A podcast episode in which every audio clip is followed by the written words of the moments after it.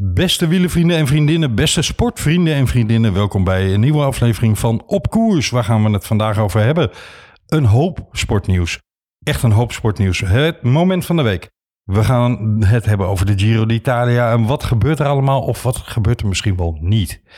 En komt er misschien nog een moment dat het allemaal gebeurt. We hebben de Chas Patat, ook die heeft te maken met de Giro d'Italia.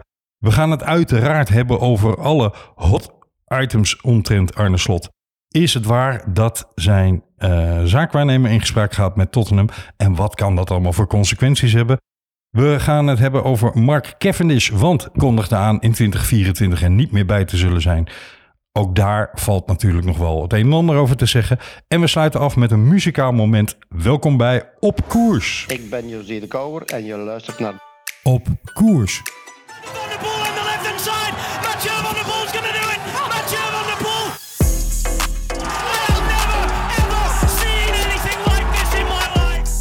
Opeens zo'n gevoel dat we in de halve finale gaan komen. Ik ben Peter Winnen en je luistert naar Op Koers. Eigenlijk lijkt Feyenoord veel meer op Ajax dan dat Feyenoord zelf beseft. Dit is Bergkamp. Dit is Bergkamp. Max Verstappen in de laatste bocht in Barcelona. Bergkamp. Dit is Bergkamp. Jaren zit je naar dingen te kijken en te open. En daar is hij.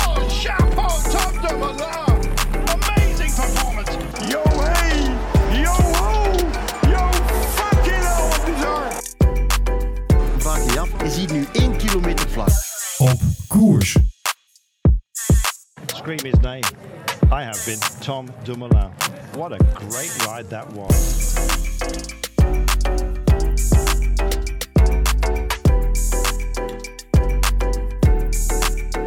Wesley, Jorn. Goedenavond. Goedenavond jongens.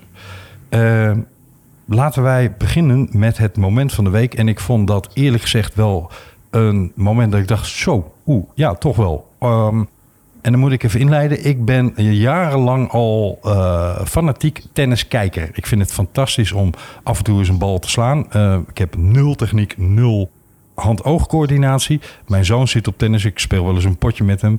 Ik vind tennis een leuk spelletje en ik kijk het graag op televisie. En sinds 2005 kijk ik naar Roland Garros en is daar eigenlijk een gedoodverfde winnaar. Nog niet in dat jaar, dat ging later pas blijken.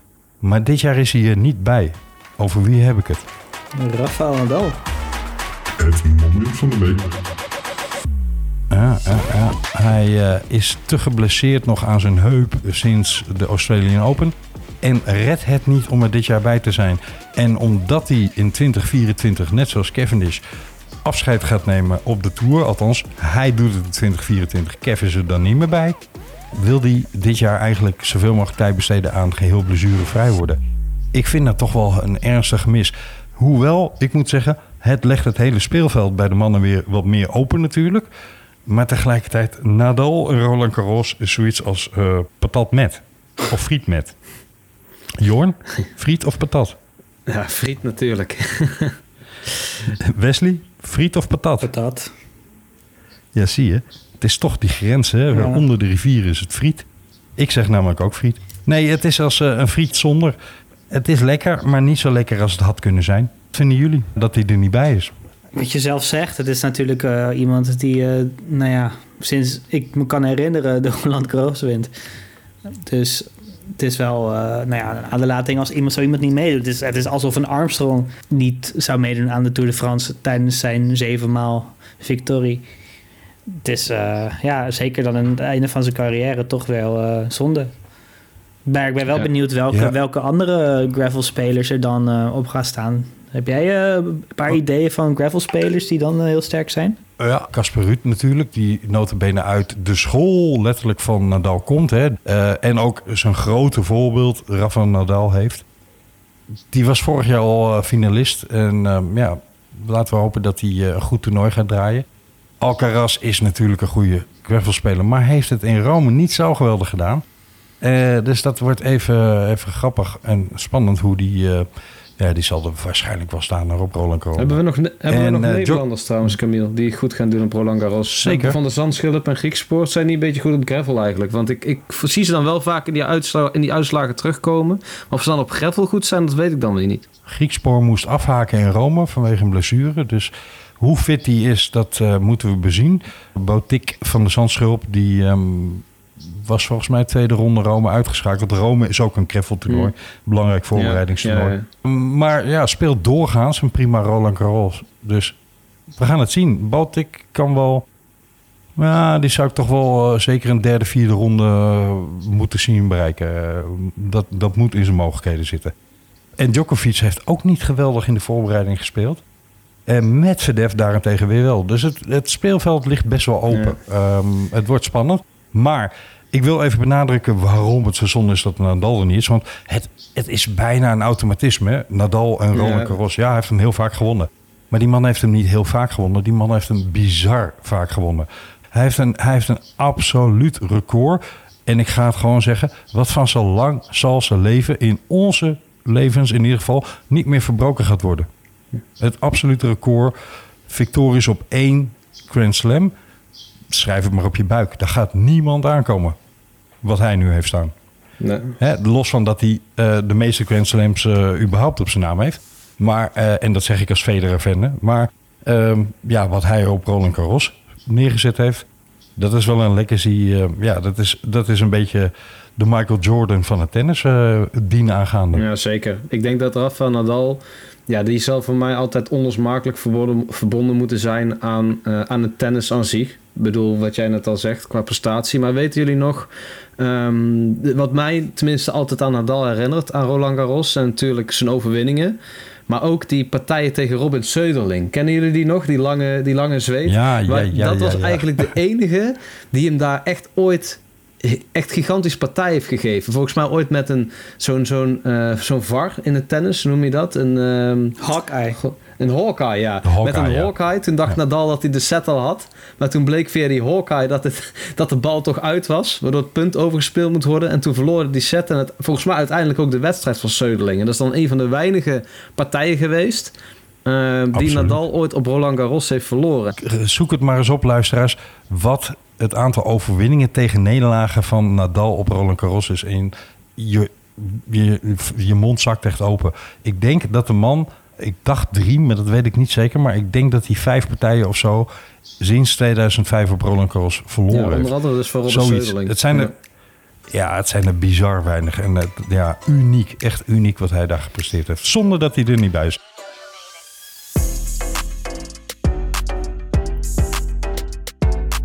We gaan door, jongens, want er valt een hoop over de Giro eh, te bespreken. Eens eventjes ehm, een stelling poneren of iets in de groep gooien. En daar zullen de luisteraars me dan misschien wel weer om verketteren. Die zullen wel weer zeggen, oh, dan heb je die host weer met zijn gekke opvattingen. Maar ik doe het toch. De Giro is tot nu toe een sof. Een, so- Een een flop. solf. Ja, ja, zo zou, Nou, ja, dat ja. is wel een goede term inderdaad. Het is aangekondigd hè, alsof je een mega, mega, mega film maakt. Een miljard aan productiekosten. En je gaat er naartoe en je denkt, jeetje, een soort eh, Waterworld heette dat hè, van Kevin Costner ooit, die film. Mega duur, niets aan. Ja, ik vind, eh, ik vind dat je nog eh, het eh, aardig insteekt. Het is echt de slechtste, slechtste grote ronde die ik gezien heb en me kan herinneren. Ja. Maar het, het is ook echt Ja. grauw. Hè? Het weer zit natuurlijk niet mee. Het is gewoon zo grauwig. Als je naar... Kijk, wij, wij kijken dan nog naar de koers. Wij zijn nu al best negatief natuurlijk. Maar goed, wij kijken dan naar de koers voor de koers. Hè? Voor het wielrennen. Er zijn ook heel veel mensen die kijken naar de Tour de France. Of dus naar de Giro. Voor de mooie plaatjes. Hè? Nou, veel mensen die naar Frankrijk kijken voor het kanelenboek. Of het kanelenboek. Het, het kastelenboek van... eh van eh, eh, hoe heet onze vriend ook alweer? Onze commentator. Herbert, Herbert Herbert Dijkstra. Dijkstra. Herbert Dijkstra, dankjewel. Eh, zo zijn er waarschijnlijk ook heel veel mensen die kijken naar de Giro voor de mooie plaatjes, toch? Heel veel mensen die van Italië houden. Wij zijn volgens mij ook alle drie Italië-liefhebber. Zeker. Maar dat, dat krijg je niet, dat krijg je dus gewoon totaal niet te zien. Dus die mensen die vallen eigenlijk allemaal al af. Dus dan moet je het van de koers hebben. Nou, dat kan. Hè? Epische omstandigheden, sneeuw, hagel. Mm, ja, het zit niet echt iets in. We kunnen nou niet echt Nou zeggen, ja, het spectaculaire het, koers. het toppunt van wat jij zegt, Jorn. Van de week hadden we die ingekorte bergetappe. eh, waarbij de San Bernardo er al uitgehaald werd. Hè. Toen kregen we een van die shots waar de Tour met name patent op heeft. Maar de Giro doet dat uiteraard ook. Een van die shots vanuit de helikopter van zo'n prachtig bergdal. Alleen wat we zagen was druppels die over de lens vielen en grijze wolken die in het dal hingen. Ja. Ik vraag me dan werkelijk af, wat zit die regisseur daar te doen?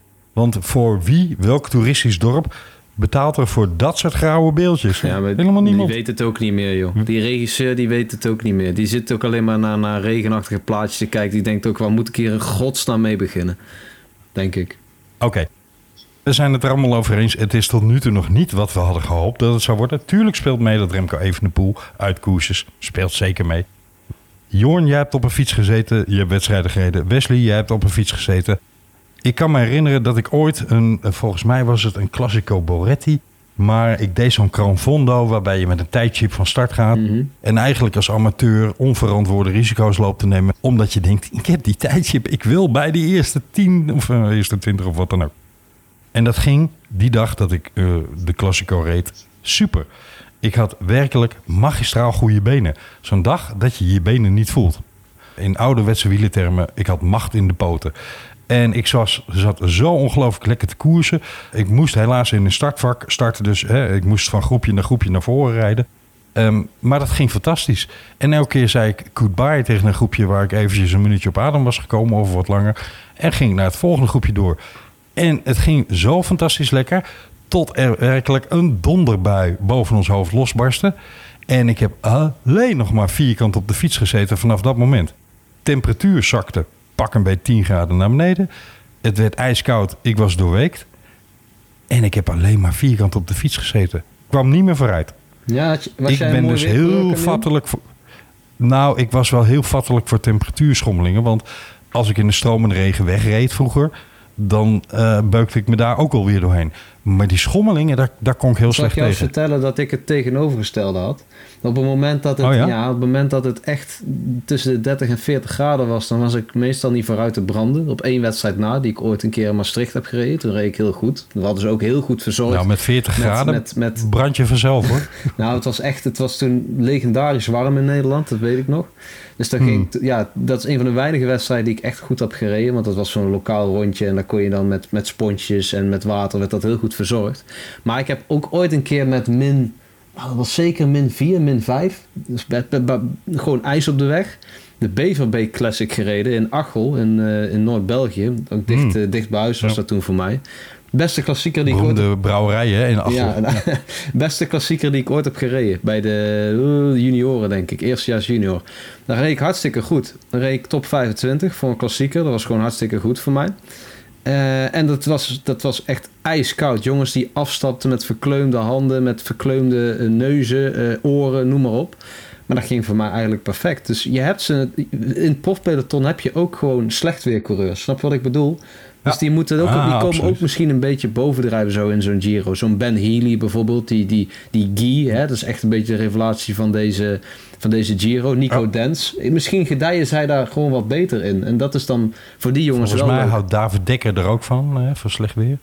Maar ik, ik bedoel eigenlijk mee aan te geven dat de herencoureurs wel degelijk een excuus hebben voor het feit dat er passief gekoerst wordt sinds het vertrek van Evenepoel. Want ze zijn zeik, zeik, zeik en zeik en zeiknat geworden. En bovendien, de temperatuur lag ijselijk ver onder het gemiddelde eh, eh, rond deze tijd in Italië. Ehm, en zeker als je dan ook nog eens een klim op gaat, waar het 4 graden op de top is. eh, en je 50 kilometer afdaling doet terwijl je doorweek bent. Ja, is niet fijn. Maar als we dan vervolgens een soort mini-Lombardije hebben en het zonnetje schijnt, dan word ik er toch wel een beetje lafjes van dat ze op de allerlaatste klim van 600 meter, dat ze daar pas uit een toeclips eh, proberen te schieten. Die etappe heeft voor mij bewezen dat het niet zozeer aan het weer ligt. Nee, Dat is, ik, ik, ik snap wel wat je zegt natuurlijk. Het voelt niet fijn als je in de regen op de fiets zit. Maar je, je, kan, ook, je kan ook tal van voorbeelden bedenken waarin de, de weersomstandigheden gewoon voor bepaalde epische koersomstandigheden zorgt. Johan van der Velde. Nou ja, bijvoorbeeld. Luomo Gavia. Hij viel aan. eh, nou, moet ik er wel bij zeggen. Johan van der Velde was die man die in 1988 als eerste op de top van de Gavia kwam in de paarse puntentrui. Mm, vrij uniek. Maar zijn beroemde foto's zijn dat hij in korte hemdsmouwtjes en korte broek tussen de sneeuw rijdt met grote bos sneeuw op zijn haar. Want helmen hadden ze nog niet in die tijd. En ja, hij wordt volgens mij tot op de dag van vandaag in Italië geadoreerd om zijn aanvalslust. Hij stapte wel een kilometer of wat in de afdaling. Keurig in een ploegrijdersauto of in een busje waar nog een paar andere renners zaten. En zo werden ze de hele afdaling naar beneden gereden. Omdat iedereen erkende, dit is geen doen. Op een paar coureurs na, zoals Erik Breukink en Andy Hemston. Die keurig de afdaling wel deden. Dus, maar er werd wel aangevallen in dat weer. Ik moet toegeven, wat niet helpt is die derde week. Die in dit geval ja, als een soort van eh, zwaard van Damocles boven de heren coureurs hangt. Want iedereen probeert zijn energie te sparen. En het kost veel energie in de kou rijden. Want je moet blijven eten. Terwijl je hebt geen trek. Je krijgt de hele tijd al die modder en, en regen in je bek en noem maar op. Het, het helpt allemaal niet. Maar toch zijn er coureurs die zich hebben ingehouden. Terwijl dat misschien wel kansen lagen. En ik vind het jammer. Ik sowieso de hele gedachte rondom die superzware derde week. Kijk, er zitten drie verschrikkelijke bergritten in. Maar ook twee sprintritten. Ja. Ik vind de gigantisch zware derde week... Ik vind het ook een beetje overtrokken misschien wel. En nou ja, als je dan dat neemt en nou ja, de, de, de Giro... die gewoon helemaal nergens op slaat tot op heden. Ik zie niet meer hoe deze Giro hersteld kan worden qua kijkplezier. Uh... En dan hebben we het over het algemeen klassement. Hè? Want ik moet zeggen, over de Lombardije-etappe...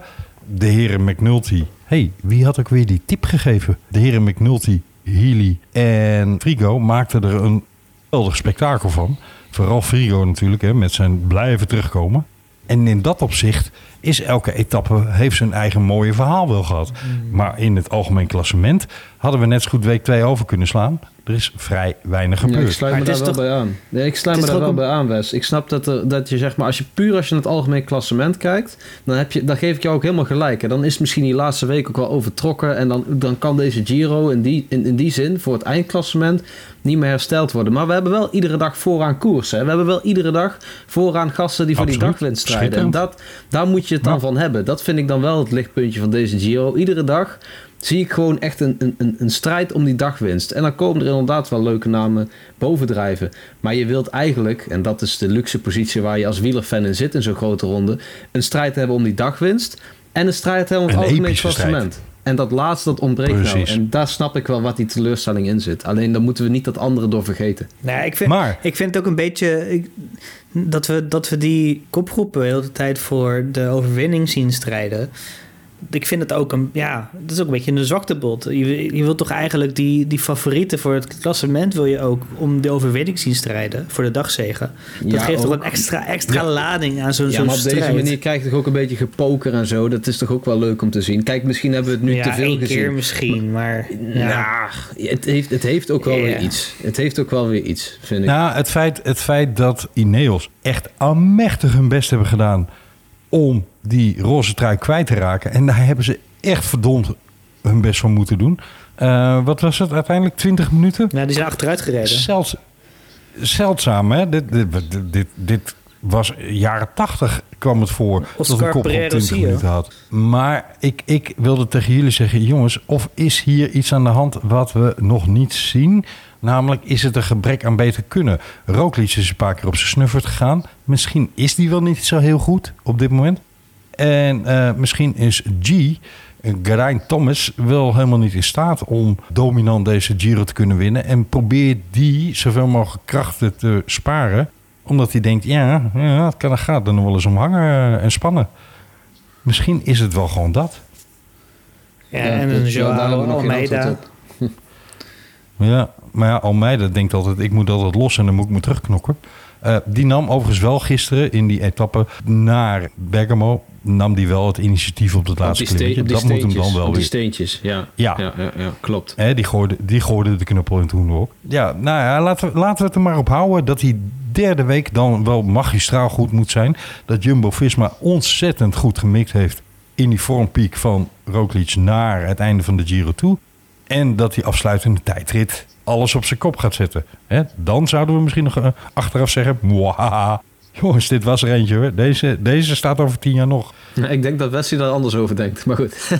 Maar ja, op mijn sterf, als ik later op mijn, West- als ik later West- op mijn sterfbed lig, dan wil ik echt niet aan deze Giro herinnerd worden. De tijd voor het volgende onderwerp, zou ik zeggen.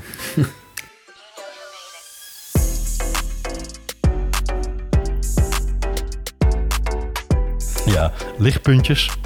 Jorn. Ja, ik heb ze net al genoemd. Hè. Eh, Guy, eh Dens, Healy, Leknesund. Dat zijn jongens die, eh, die Ja. boven zijn komen drijven. Leknesund, dus die, volgens mij hadden we de vorige podcast nog besproken van... Goh, Ja. gaat hij nog meedoen of Daar niet? wilde ik nog op Nou, terugkomen. die gaat dus Ja. echt wel top 10 rijden. Daar ben ik wel van overtuigd. ook doordat andere jongens zijn zeggen, uitgevallen. Petje af. Maar die doet het, die doet het echt leuk mee. En verder, eh, als je kijkt naar nog verrassende namen. eh, ik vond inderdaad gisteren goed van jou, Camille McNulty. Die heeft het goed gedaan. Natuurlijk niet voor het algemeen klassement, maar wel voor de dagzegen dat hij meedoet. En dus ook heeft gewonnen. Dus dat vind ik wel heel leuk. Ik vind dat die ploeg van Israël, Startup Nation, die grijpen er iedere keer net naast. Maar die doen wel iedere keer mee voor de, voor de eind, eh, voor de, gewoon voor de dagwinst. Met Guy. Wat een verschil met vorig jaar Ja, en de jaren Precies, ervoor. hè? zij rijden echt nu echt in beeld. Dus denk ik ook wel iets wat zij, wat zij graag willen. Want ze moeten ook publiciteit krijgen. Dus met die Guy en die Frigo. Ja, maar ze Burwick- durven, ze durven aan te vallen. Ja, ze In plaats van een soort van gezapig meerijden tot je eraf ja, maar dan ben ik dus benieuwd of ze dat in de Tour ook gaan doen. Want daar zullen Vogelsang en Froome ook starten. Of gaan ze dan, hè, gaan ze dan toch weer alles op Froome gooien voor een eventueel klassement? Ik weet het niet. Ik denk het niet. Tuurlijk. Dus eh, tenminste, ja, ik denk wel dat ze dat willen. Maar of ze dat ook moeten doen, dat is dan twee. Dus ik, eh, ik ben wel, daar ben ik dan wel weer benieuwd naar. Ja. Ik wil nog een laatste puntje van de etappe van gisteren aansnijden met jullie.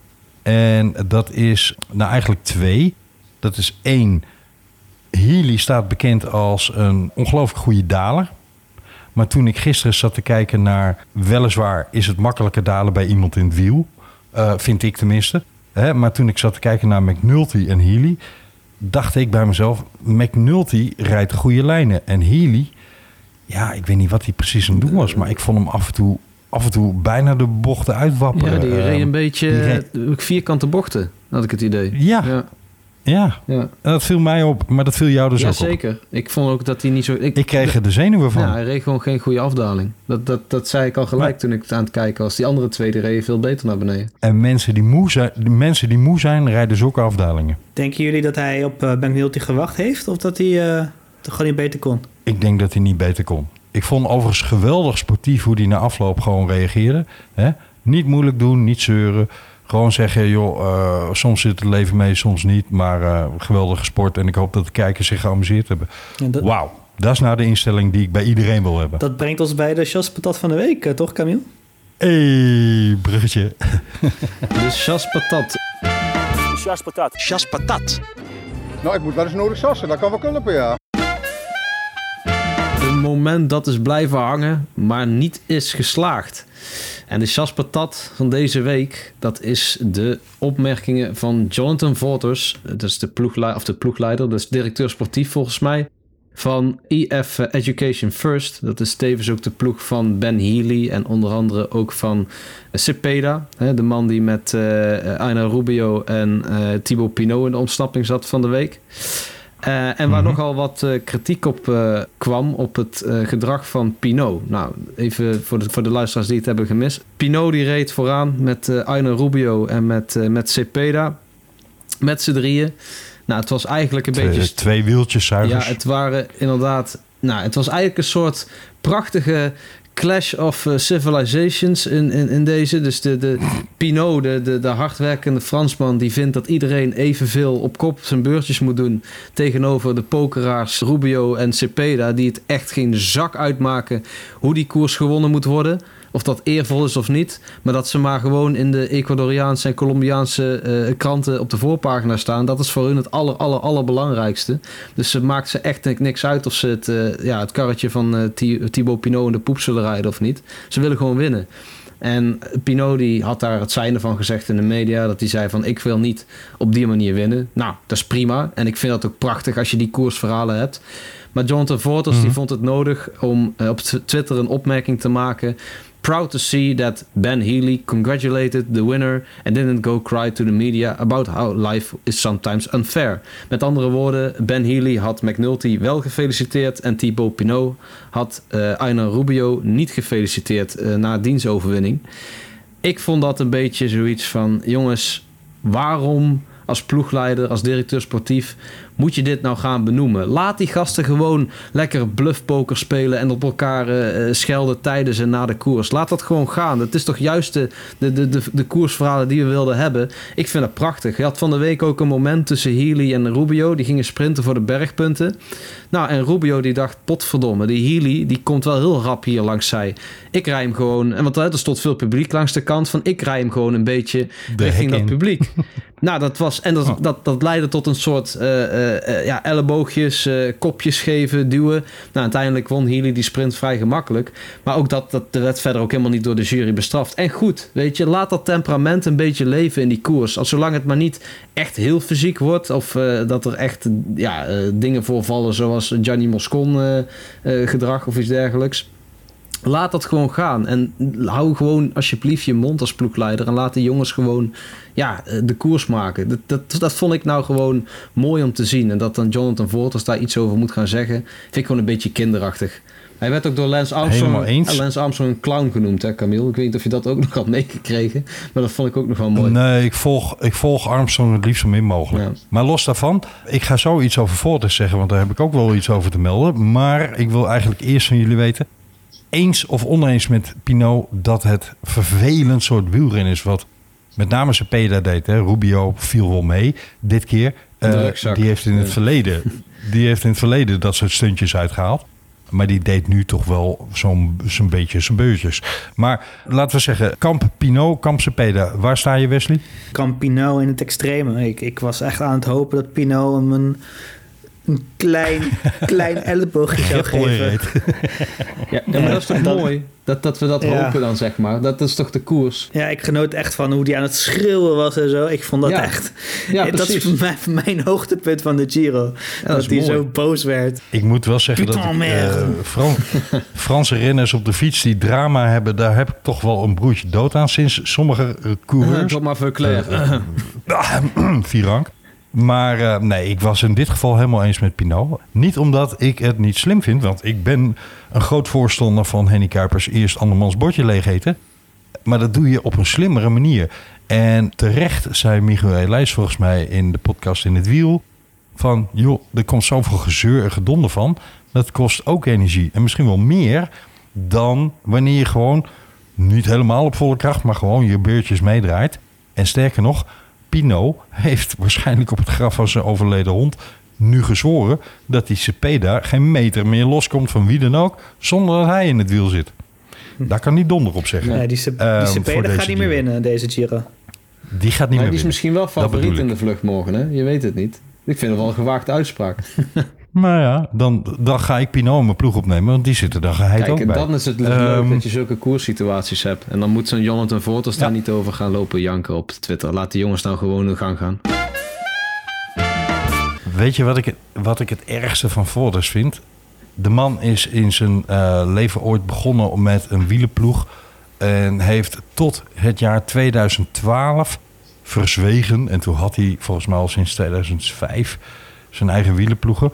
En, en zijn motto was notabene hè? iets van we ride dr- drugs free or uh, doping free. Team, Nou, eh, in team ieder geval, begon dat. ja, het, het was in ieder geval groots, grootser en groter in het nieuws dat het allemaal clean en cleaner dan de rest was. En dat dat de missie van het team, maar zeker ook van hem was. Vervolgens heeft hij in 2012 toegegeven... ja, ook ik heb doping gebruikt in het verleden. Joh. En toen hem vervolgens in een interview in bicycling.com werd gevraagd... maar waarom kom je daar eigenlijk nu pas mee naar voren? Toen gaf hij het laffe antwoord... ja, omdat de reacties een paar jaar geleden toch wel heel negatief waren als je dat zei. Serieus hè? Als je zulke soort dingen zegt... dan sta je voor mij al buitenspel qua meningsvorming. Dan doe je wat mij betreft gewoon niet meer mee. Eh, dat hij in een ploegleidersauto zit, prima. Dat hij af en toe leuke stuntjes uithaalt met zijn ploegen op social media, ook prima. Zie, hè, Bauke Mollema, moeten we nog een rondje, enzovoort. Maar laat hij alsjeblieft zijn mond houden over... eh, en ik ben, niet per se een Pinot-fan, maar ik vind Pinot een absoluut groot coureur. Laat hij zijn mond houden over een groot coureur. Hij heeft zelf amper iets gepresteerd op de fiets, behalve doping slikken. Laat hij niet zo'n grote mond hebben als hij zelf heel lafjes, vlak voordat USADA met hun rapport kwam, ineens riep: Oh ja, oh ja, ik was er ook bij.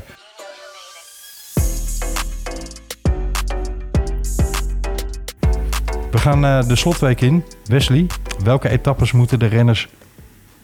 Nou, de renners zeker. Maar de kijkers en luisteraars ook in hun agenda opschrijven? Om te beginnen zou ik toch de etappe naar de Tre Chimi willen opschrijven als absolute hoogtepunt van, uh, van de Giro qua parcours. Ik, ik doe geen beloftes over de spanning of vuurwerk. Ik, daar, ik steek mijn handen absoluut niet in het vuur.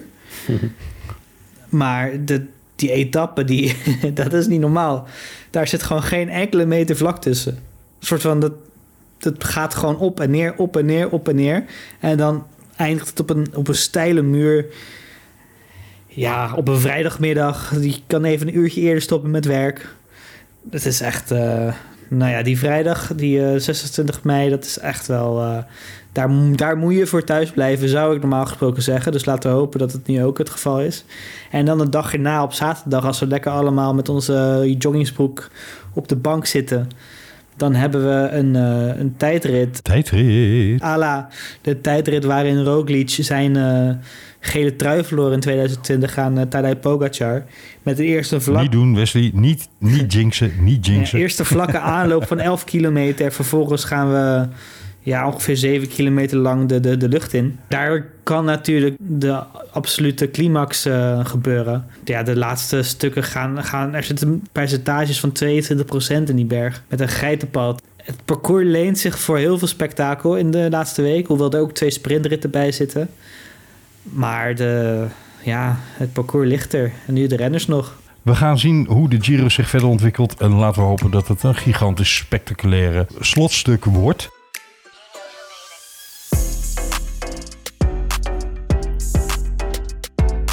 Over uh, spectaculair slotstuk gesproken, misschien ook wel. Al hoop ik eigenlijk van niet, maar over waar Arne Slot volgend jaar de trainer wordt. Want vandaag werd bekend dat aanstaande woensdag dat een zaakwaarneemster van uh, Mino Raiola uit die stal.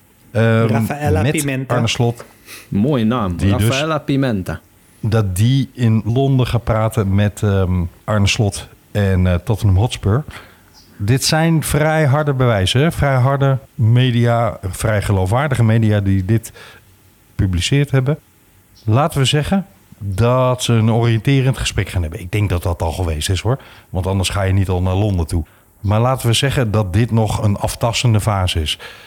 Wat denk jij, Wesley, dat Tottenham moet gaan bieden? Wil Arne Slot zeggen, ik vertrek? Moet bieden aan Slot of bieden aan Feyenoord? Uh, beide. Hij heeft een doorlopend contract, hè? Nog. Ja, hij heeft een contract tot 2025. Uh, deze, dit, dit seizoen, dit, deze zomer heeft hij geen vertrekclausule of iets. Dat uh, dus Feyenoord kan vragen wat ze willen of weigeren wat ze willen. Volgend jaar schijnt die clausule op rond de 6 miljoen te zitten. Nou ja, en wat Slot wil hebben, ja, Slot is gewoon een hele ambitieuze trainer. Dat, dat, dat laat hij eigenlijk altijd blijken, altijd horen. En hij vindt de Premier League echt het hoogste podium wat er is eigenlijk. Dus als dan een Tottenham Hotspurs komt, wat toch wel een hele grote club is in die grote competitie, denk ik ja.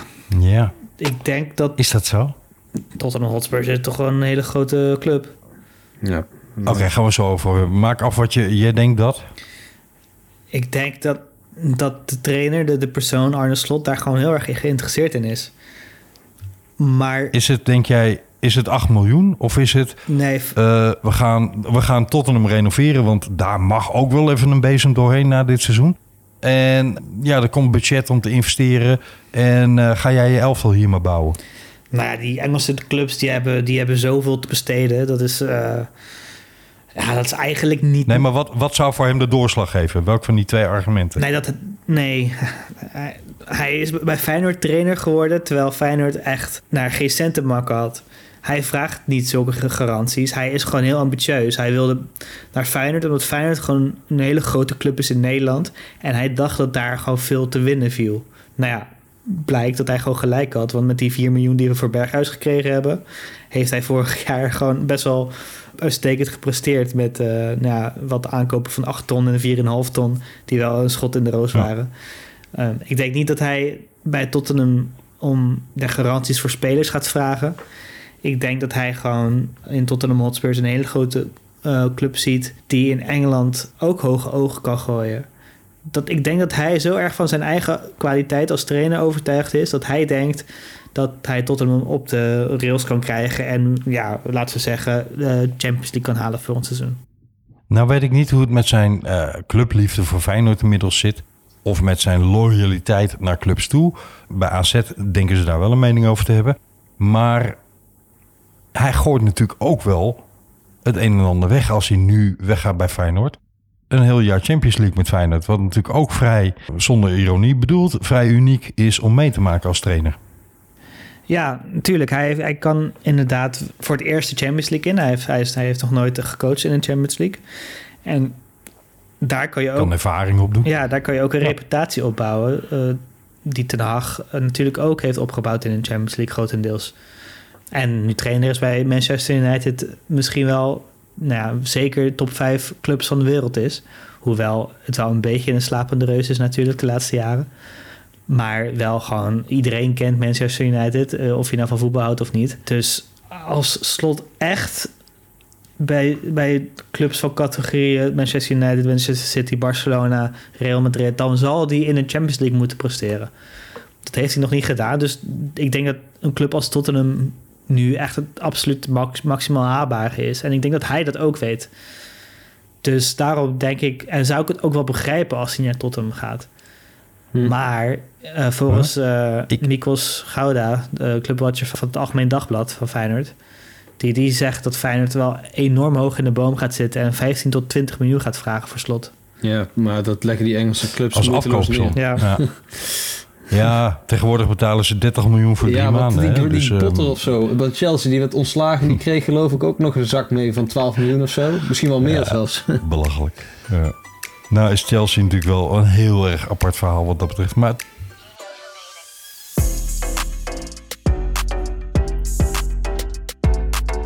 ik ga twee redenen zeggen waarom ik denk dat Arne Slot niet naar Tottenham moet gaan.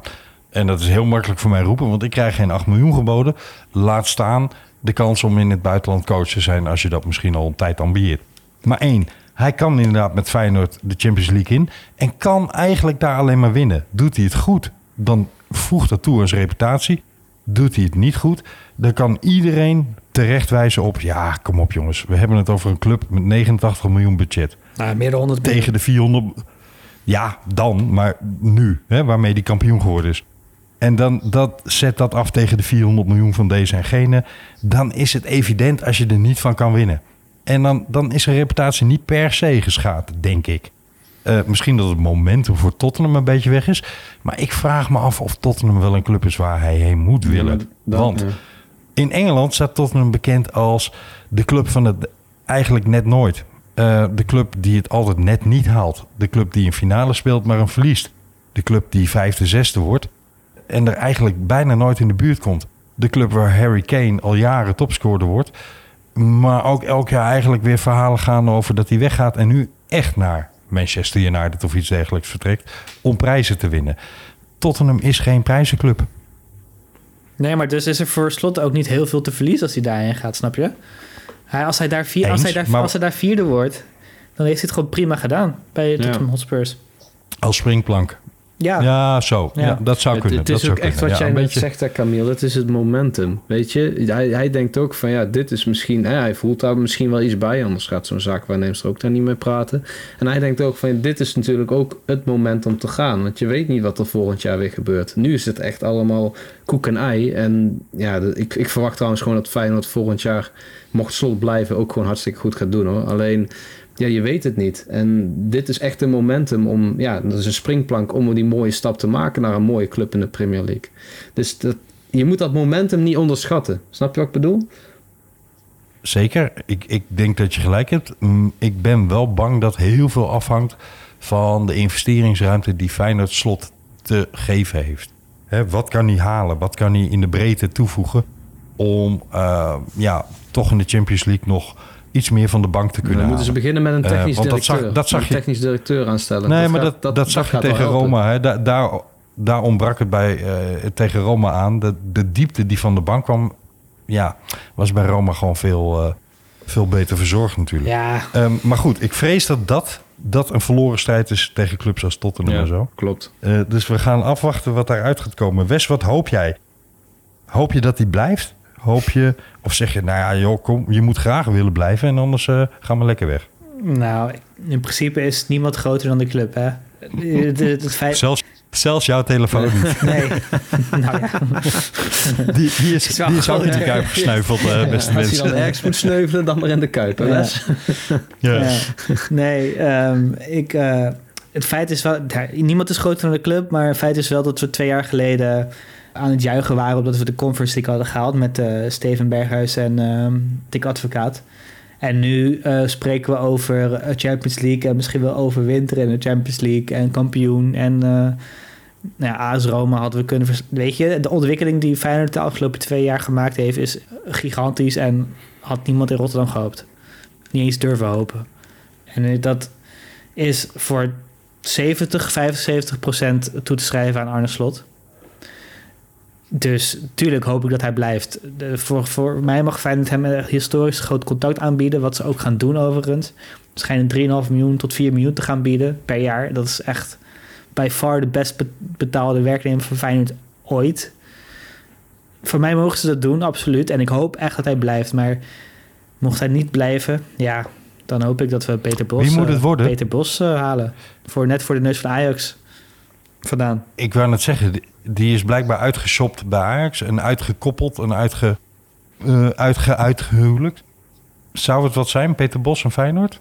Nou, hij is natuurlijk een... Zijn speelstijl, Ja, die komt heel dicht in de buurt wel. bij eh, de speelstaf Ja, van Arne Slot. precies. En het is een Feyenoord Ja. natuurlijk. Hij eh, heeft lang voor Feyenoord gespeeld, technisch directeur bij Feyenoord geweest. Heeft eigenlijk altijd uitgesproken dat hij gewoon een hart voor Feyenoord heeft. Dus nou, hij, hij heeft een tijdje geleden in Rondo gezegd bij Ziggo... eh, dat hij niet per se een Feyenoord hart heeft. oh, Daarmee ook niet gezegd dat hij geen Feyenoord hart heeft. Maar hij gaf eigenlijk aan... eh, ik ben niet per se voor een van de grote clubs Maar in ik ben nog wel benieuwd, jullie alle, allebei eigenlijk. Van Peter Bos, die wordt dus genoemd als mogelijk trainer van Ajax. Nu dus mogelijk trainer van Feyenoord. Hè. Weet allemaal niet wat er gebeurt, maar goed. Hè. Wat is er nou allemaal zo bijzonder aan Peter Bos? Wat heeft Peter Bos ooit gepresteerd? Finale gehaald van... Eh, van de, sorry, Europa League. Ja, klopt. Eu- E- Europa League. Maar ik moet zeggen dat ik het tactisch vernuft van Peter Bos bij zijn ploegen sinds Ajax. eh, ja, je kunt wel zeggen dat hij ehm, de Nederlandse ziekte heeft onder trainers in Europa. Namelijk je eigen spel, hoe dan ook, altijd blijven spelen op de manier waarop je het bij je club in Nederland gedaan hebt. En dat, dat werkt niet bij alle clubs in Europa. Zeker niet in andere competities zoals die in Duitsland en Engeland. En in Frankrijk had hij, had hij een vliegende start. In Duitsland had hij een vliegende start. Maar hij vloog er ook uiteindelijk altijd hard uit. Ja. Ja, ik heb het idee dat daar altijd heel veel enthousiasme heerst rondom Peter Bos. Maar dat het dan ook heel snel weer kan verdwijnen. Snap je wat ik bedoel? Dus ik, ja, Ja. ik ben daar toch wat voorzichtiger mee in dat enthousiasme van Peter Bos. Wat hij altijd weer. Maar ik snap wel dat, dat hij naar Hij voren. laat, hij laat elftallen fantastisch Ja, ik snap wel dat hij naar voren wordt geschoven. Het is altijd mooi om dat, te zien. Dat wel. Dat, dat, Ja. Ik snap die suggestie wel hoor, wat Wesley doet. Alleen ik, ik- ja... Het- hij, hij lijkt altijd een soort, soort voor de hand te liggen. Bij PSV ook, hè. Want Toen, eh toen Schmid wegging, werd, die, werd ook... ah, Peter Bos moet trainer worden. dacht ik, ja... Ik weet het niet. nee, het is natuurlijk wel gewoon een feit wat je, wat je benoemt. Hè. Hij heeft eh, nog nooit wat gewonnen, geloof ik. Corrigeer me als ik het fout heb. Ja, hij heeft wel iets gewonnen. Dat, dat stempel heeft hij zelf een keer ontkracht. Namelijk dat hij nooit In, iets in gewonnen Israël of zo. Alleen ik weet, ik weet niet meer wat. In, in- misschien in Israël toen, met Hapenwel. Heeft hij toen niet iets gewonnen? Oh, ja. Dat zou wel kunnen, toch? Ja, dat zou Ja. kunnen. Ja, mm. Zoek het maar op, eh, luisteraars. Maar eh, enfin, denk je dat Bos het wordt? Nee, ik denk, het schijn, er gaat de gerucht dat John Thomas er dan wordt. Die, heeft het, die is kampioen geworden in Zweden en die, die eh, heeft het daarna heel goed gedaan bij Blackburn Rovers. Hm. Die laatste ploegen Over Feyenoord hard gesproken. over Ja. Feyenoord hard gesproken, ja. Die heeft eh nou, de UEFA Cup met Feyenoord gewonnen. Die is daarna nog een keer teruggekomen naar Feyenoord. Heeft het daar ook niet onverdienstelijk gedaan. Dus Hm. eh, trainer bij Excelsior geweest. Ja. Dus eh, nou ja, ook nog relatief jong als trainer. Ja. Laatste teams ook mooi aanvallend voetballen. En heeft natuurlijk een Feyenoord hart. Maar aan de andere kant ben ik het ook wel weer een beetje zat... om maar iedereen met een verleden bij Feyenoord weer in verband te brengen bij Feyenoord. Want dat je een verleden hebt bij Feyenoord betekent helemaal niet nog dat je... wat in de toekomst kunt betekenen voor Feyenoord. Dus eh, ja, de, de verleden bij Feyenoord alleen vind ik geen argument genoeg om, om dat maar aan te stellen. Van Bronkhorst helemaal uit beeld? Ja, nou, ik hoop van wel in ieder geval. Je hoopt van wel? Oké. Oh, ja. Ja, Want? nou ja, het voetbal dat we toen speelden, dat, dat was... eh, nou, het was niet om over naar huis te schrijven. Ook al hebben we, was het eh, Oh. relatief, relatief de meest succesvolle periode van de 21ste eeuw voor Feyenoord. Ja. Ja, dat- ik ging niet met plezier naar de Kuip. En dat doe je nu wel met Arne Slot. dat, is Dus wel gra- dat is wel grappig dat je dat zegt hoor. Want dat heb ik, heb ik ook heel erg met Philip Cocu. Die heeft PSV eh tig jaar op rij kampioen gemaakt. Maar om nou te zeggen van, goh, die moeten we trainer van PSV worden, denk ik alsjeblieft niet. dat, eh, dat voetbal was toen ook echt niet om aan te zien. Zo verdedigend, altijd op de counter. Maar goed, ja. ik, eh, ik, ik, snap je, ik snap dat wel, ja, wat je, wat je zegt. Er is trouwens een andere trainer in Schotland. Die heet Ange Postecoglou, een eh, Australische meneer. Die doet het hartstikke goed bij Celtic en heeft een aflopend contract. Die is door Jeroen hè, die naar voren geschoven als mogelijke trainer van Feyenoord. Hij is ook al een keer benoemd als mogelijke trainer van Ajax. Ik vind het toch een naam om in de gaten te houden. Misschien kennen we hem nog niet. Maar dat is echt een trainer die ook zijn ploeg heel leuk laat voetballen. Alleen moet je daar dan weer de kanttekening bij plaatsen. Zijn winstpercentage is waarschijnlijk ook heel hoog, omdat Celtic en Rangers heel veel in Schotland winnen. Maar ik heb toch eventjes wat wedstrijden van Celtic teruggekeken. Ze hebben onder andere in februari nog 3-0 van Rangers gewonnen. Daar speelde Celtic toch echt wel heel leuk voetbal hoor. Dus dat is wel een naam om in de gaten te houden. Australische ex-bondscoach. Ange, Ange Postecoglou. Ja, nou, verrassende naam. Eh, over verrassende namen gesproken wil ik er dan mee afsluiten. Eh, het gerucht wat door Mike Verwij in de wereld geholpen werd... was dat Wesley Sneijder een koep bij Ajax... Een koep bij Ajax, dat gebeurt toch nooit, een koep bij Ajax? Een koep bij Ajax zou aan het voorbereiden zijn. Namelijk dat hij met, volgens mij heet die Manfatim, die oud-trainer uit Turkije van hem... dat hij daarmee een combinatie zou worden om nieuwe hoofdtrainers van Ajax te worden. Volkomen geruchten. Het zou verbijsterend zijn als, het, als er ook maar een kern van waarheid in zit. Aan de andere kant, ja, niets verbijstert mij meer op het ogenblik wat dan dat betreft. We moeten ooit eens een keer, mannen, een uitzending gaan wijden aan het spel wat met zaakwaarnemers gebeurt in de voetbalwereld. Want niets gebeurt zomaar. Dat er een naam naar voren wordt geschoven door een journalist is niet omdat die denkt, goh, die trainer ben ik nu al drie jaar aan het volgen. Die is zo geweldig, maar niemand heeft het over hem. Maar omdat er constant als waren het perschefs van de ministers, eh, constant rondjes gebeld worden van... eh, hey, gooi die namen eens in de groep. Schrijven ze een artikeltje over als niet dit, dan dat. Eh, en dat die op een hotlist staat bij die en die club. Want als die op een hotlist bij die en die club staat... worden die andere clubs ook wakker. Dat soort spelletjes. En daar miljoenen in om, hè, in die zakken van zaakwaarnemers. Dus ja, ik ben wel benieuwd of we daar ooit eens een keer eh, een uitzending over kunnen maken.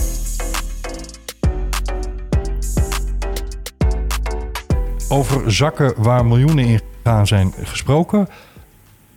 Oh wel, dat is maar zeer de vraag of dat wel zo is. De man die in 2024 ook gaat stoppen met wielrennen... verdient wat mij betreft een slotwoord. Mark Cavendish kondigde aan nadat hij in de Giro opstapte... ik ga er in 2024 niet meer op. Ik stop ermee met dat gefiets van me. Ik heb een prachtige carrière achter de rug... en eh, het is mooi geweest zo. Ik moet zeggen, het eerste wat mij te binnen schoot, jongens, was het moment. Welke koers was dat toch? Dat hij, eh, dat hij ja, moederziel alleen binnenkwam. Eh, twee jaar geleden zo'n beetje. Voordat hij naar eh Petlev terugging. En ja, dat het, dat het een kansloze koers was geweest. Waarin hij 70 of zo geworden was. En ehm, ja, het heel erg op leek dat roemloos, geruchtloos afscheid van Cavendish genomen was. En iemand vroeg hem dat in een interview. En hij stond daar met waterige oogjes te vertellen dat hij nog steeds wel hoop had om door te kunnen blijven gaan met fietsen. Nou, dat heeft hij de, de twee jaar daarna bij, eh, bij Patrick Lefevre natuurlijk meer dan ruimschoots goed gemaakt. Verdient hij nu een groots afscheid wat jullie betreft? Ja, Ja, dit is echt eh, een van de grootste eh, van de 21ste eeuw. Misschien wel de beste sprinter ooit. De, die, de man is zo snel op zijn, in, zijn, in zijn prime. Dat is echt. Dat, ik heb net nog wat filmpjes en sprints teruggekeken. Die, die snelheid, die pure snelheid die hij heeft, die versnelling, die heb ik bij geen enkele andere sprinter ooit gezien. nee. Op het moment dat hij goed afgezet werd, dan was het Marcel Kittel? Eh, ja, maar voor een minder lange periode, Camille. Kittel die... Ja, dat, eens. dat- ja, ik, ik ben het met je eens. Hè. Kittel die had dat ook. Die, als hij goed werd afgezet, dan kon hij bijna niet geklopt worden. Alleen, ja, Kittel heeft dat toch voor een minder lange periode gedaan. En daardoor ook minder kunnen winnen. Ja. En, en Cavendish heeft dat... eh, Ja, die wint nou nog steeds, weet je wel. Die, won, die, die, die gaat gewoon voor die, voor die recordetappe in de Tour de France. Ja, hoe bijzonder is dat? Weet je, dat, dat, dat, hebben, ja, dat is echt ongelooflijk. Zo'n Cavendish is gewoon by far de beste sprinter die ik me kan, eh, kan herinneren. Dus die man die verdient, ondanks zijn capriolen... want daar gaan we misschien dadelijk nog heel even over hebben... een heel groots, afs een heel groots afscheid, wat mij betreft. Ik ben eh, al heel lang dat boek aan het lezen. Ehm, de biografie over Mark Cavendish. En dan lees je hoe dat project startte. Hè? Dat hij nog als amateurtje van eh, het- die Isle of Manx opgenomen werd in de jeugdselecties van eh, British Cycling. En ja, op allerlei trainingscentra verschrikkelijk hard heeft moeten knokken om telkens maar weer door die selectieprocedures heen te komen. En Brailsford Co., die toen nog British Cycling eh, deden in plaats van Sky, wat nog niet bestond, niet per se overtuigd waren van zijn kunde. Wel van zijn inzet, maar niet van of hij het zou gaan halen. Dus hij heeft geen makkelijke aanloop gehad. En toen hij eenmaal bij HTC, notabene met de, de buffel wilde ik zeggen. Toen hij eenmaal bij HTC, notabene met de gorilla aan de Grijpo, ook in het team. eh, ja, toen hij daar eenmaal aanbeland was. Ik herinner me die sprints in dat HTC-shirt. Oh man, Ja, dat, dat die was werd echt, aangetrokken dat door was Mark echt Renshaw inderdaad toen nog. Dat was echt zijn Boah. piloot. En later Poeh. Michael Morkov natuurlijk bij Quickstep. Ja, die jongens die wisten waarschijnlijk Ja, ook maar niet wat vooral ze die, die Renshaw, die combinatie Renshaw-Cavendish... En, en dat Cavendish toch min of meer uit het niets... daar ineens bam, bam, bam... die sprints eh, begon te winnen op een mega explosieve manier. Ja, geweldig. Alleen, voor mij kwam er een kink in de kabel... toen hij... eh, was het Tom Dat was Velers? Tom Velers. Van ja, de fiets. de duw. De Ja, van duw. de fiets reed op, op een buitengewoon smerige manier. En daarna is mij gaan opvallen dat Cavendish altijd controversieel sprint. Ik noemde vanmiddag in onze app niet voor niets een prachtvent met een misdadige rijstijl. Als je de, de eh, Olympische Spelen 2016 in Rio nog even terug bedenkt... hoe die eh, Elia Viviani van de fiets rijdt op de baan... op een manier, nou jongens, echt dat is, dat is op een baan, een houten baan, bijna een aanslag. Ja, Cavendish, super aardige vent als je het hebt over zijn Fiat 500'tjes die hij spaart. Of zijn Vespaatjes, of wat was het ook weer. Prachtig mannetje als hij privé aan het praten is. Emotioneel, heel aardig. Schijnt een fantastisch eh, familieman te zijn. Maar op de fiets vind ik het bijna onverantwoord af en toe geweest. Ja, het was Maar- echt op het randje. Maar die scherpe randjes die maken ook dat hij zo goed is geweest, denk ik. Ja, ik vind het te ver overheen geweest af en toe hoor. Mm, Ja, maar Of- weet je wat het is? Kijk, als je sprinter wordt, dan moet je eigenlijk al misschien eventjes TBS hebben gehad. anders, anders, word je geen, anders word je geen sprinter. Ehm, nou, hij is de beste sprinter ooit. Dus ja, hij is misschien ook wel het gekste ooit. Ja, Ja, ik vind het wel een goede. ja. Je bedoelt rijp voor TBS. Hè? ja rijp voor TBS. Niet dat je al TBS achter de rug hebt. Ja, oké. Ja, nou ja, je- ja. het zou me niks... Nee, grapje. Ehm, nee, ja, Cavendish. Poeh. Die, eh, ik weet nog dat hij eh, die Milaanse Remo die hij won... Oh ja. Dat, eh, dat Riek Hausler op, op een 400, 500 meter... eigenlijk ja, een ultieme demarage slash hele lange sprint maakt... En Cavendish in zijn eentje ook zijn sprint inzet. En echt een soort van een gigantische explosie nog naar, naar Hausler toe rijdt. En op de meet hem klopt. Ja, heeft hij vaker gedaan. Ja, hij heeft menig kopgroep Ja. die eigenlijk niet meer te achterhalen was, in een sprint nog achterhaald. Volgens mij ook ooit met Luis met Leon Sanchez. Leon Sanchez. Met Luis Leon Sanchez Ja. in de Tour. Toen, die dat Ja. snelheidsverschil, dat was ongelooflijk. Dat ging echt, ja, nou, Sanchez die zal hoe hard boven de 50 hebben gesprint tegen de 60 aan. Ja. Maar Kevin die zat er nog ver overheen. Die ging echt richting de- Sanchez stopte ook gewoon. Ja, die zei die- van ja, laat maar zitten. Die stond Ja. gewoon stil, ja. En die had ook nog de, op de Champs-Élysées van 2010. Dat, eh, hij zat helemaal niet zo super geplaatst.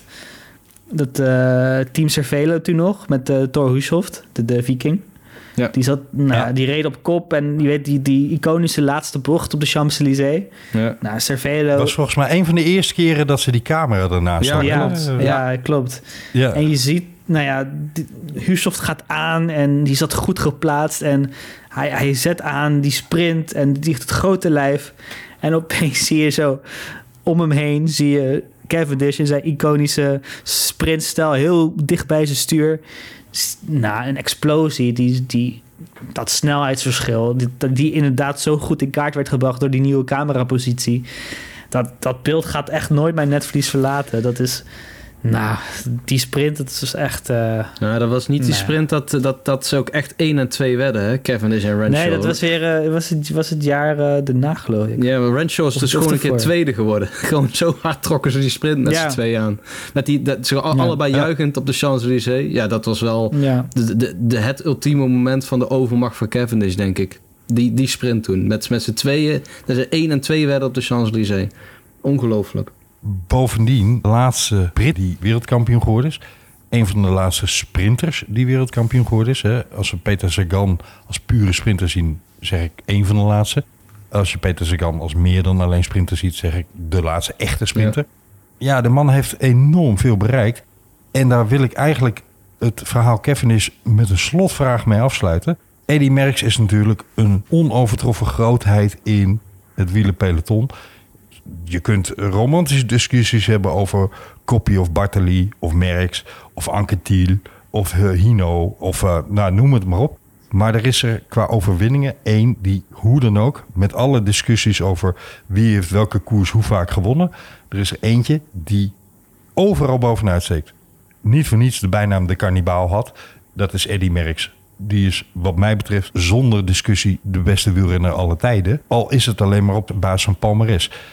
Ik vind het, ondanks dat ik Cavendish als privémannetje hartstikke mag... en als rijder op een fiets zo mijn bedenkingen bij me heb... maar ik vind het bijna een aanfluiting. Of het nou Cavendish is, of eh Cipollini, of... eh Abdu Shaparov in het verleden, of eh, Van Poppel, of ja. Petacchi, welke sprinter het ook zou zijn. Een sprinter die op gelijke hoogte staat qua tour-etappes met Eddy Merckx... dat mag bijna ik ben niet. het daar volledig mee oneens. Ik vind namelijk, wielrennen bestaat uit klassementen en bestaat uit etappe-overwinningen. En een deel van de, de, de, de eh, heroïek achter die grote rondes, dat zijn ook die massasprints. En die massasprints die worden gewonnen door sprinters. Dat is een onderdeel van het wielrennen. En sprinters zijn ervoor om etappes te winnen. Groenewegens, de Jacobsens van deze wereld. Maar in het verleden is ook de Cipollini's en de Petacchis. En binnenkort ook in het verleden Cavendish. Die zijn er om etappes te winnen. En die winnen gewoon veel. En dat, dat vind ik juist wel mooi. Dat er dadelijk een sprinter is die een record aantal etappes heeft gewonnen in de Tour. Nou, ik ben benieuwd of er ooit eentje in onze... dat wij het nog mogen meemaken dat er eentje opstaat die daar weer overheen gaat. Hè? Dus een nieuwe Cavendish of een nieuwe Marcel Kittel die ook zoveel gaat winnen. Ik loop gewoon te romantisch te doen dus. Ja, misschien wel. Ah, Oké, oké. Fair enough, fair enough. Wesley, denk jij dat hij het gaat halen? Hij Hij heeft niet echt de ploegen. Nee, hij heeft niet de ploeg. En die heeft hij in dit stadium van zijn carrière wel nodig. Ja. Eigenlijk zou eh Vinokourov even een extra miljoentje in eh, zijn ploeg moeten steken voor een Morkov of zo. Ja, of, of zou eh Cavendish even een miljoentje in eh, het rugzakje van Morkov moeten doen? Van joh, doe het vandaag even voor mij. Ja, misschien wel. En wie die- weet, hè, misschien, ge- misschien gebeurt het wel een keer in een, een bepaalde ontsnapping of zo in de Tour. Weet je, dat hij, dat, dat hij het dan zo haalt. Het zou nog, Dat, nog heroïscher Dat en nog meer. zijn. Dat zou echt Ja. bizar zijn. Cavendish in de vlucht. Solo. Ja.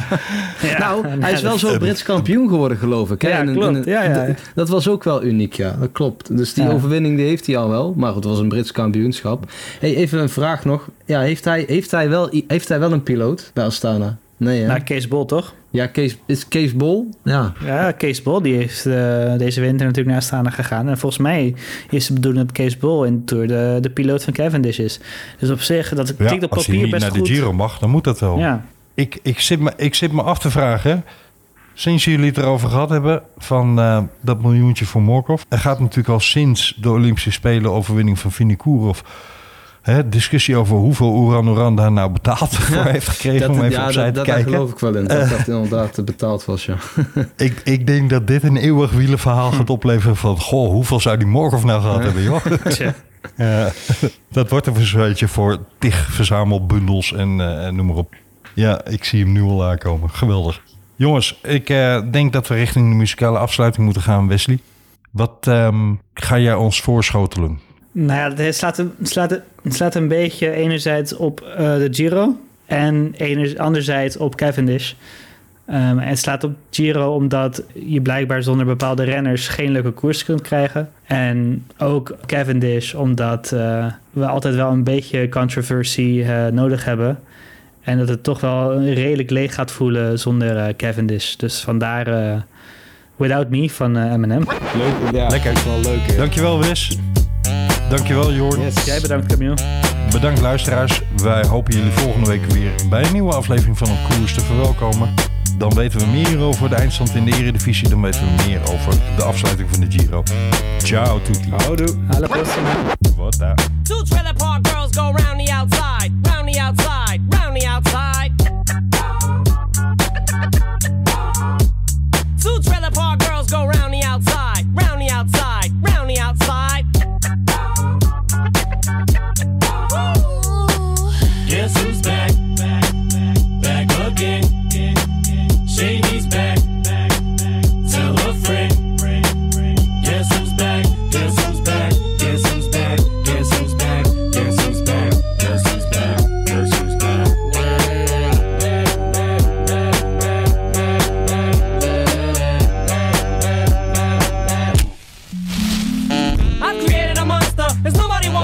Marshall no more. They want shady, I'm chopped liver. Well, if you want shady, this is what I'll give you.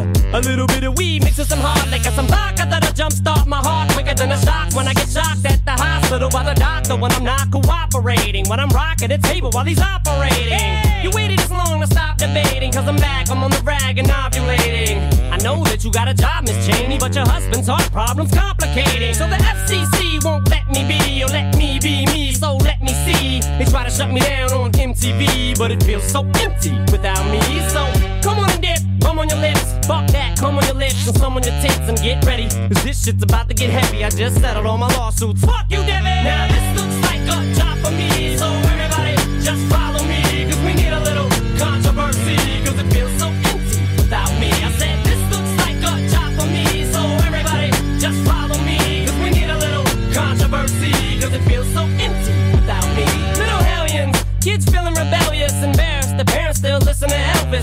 start feeling like prisoners helpless, till someone comes along on a mission and yells, Bitch! A visionary, vision is scary, can start a revolution, polluting the airwaves, a rebel. Just let me revel and bask in the fact that I got everyone kissing my ass, and it's a disaster, such a catastrophe for you to see so damn much of my ass. You ask for me, well I'm back. Na-na-na-na-na-na-na-na. Fix your minutes and I'm tuning in and I'm gonna enter in and up under your skin like a splinter. The center of attention, back for the winner. I'm interesting. The best things in wrestling, investing in your kids' ears and nesting.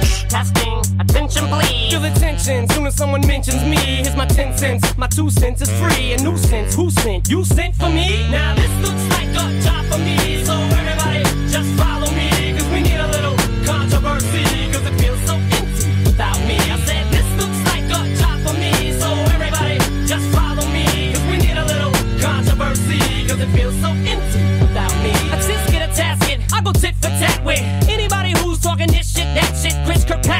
you can get your ass kicked. Worse than them little limp biscuit bastards. And Moby, you can get stomped by Obi. You 36 year old boy headed fag me. You don't know me, you're too old, let go, it's over. Nobody listen to techno, now let's go. Just give me the signal, I'll be there with a whole list full of new insults. I've been dope, suspenseful with a pencil ever since Prince turned himself into a symbol. But sometimes the shit just seems everybody only wants to discuss me. So this must mean I'm disgusting. But it's just me, I'm just obscene. No, I'm not the first king of controversy. I am the worst thing since Elvis Presley to do black music so selfishly and use it to get myself wealthy. Hey, there's a concept that works. 20 million other white rappers emerge, but no matter how many fish in the sea, it'll be so empty without me. Now this looks like a job for me, so everybody just follow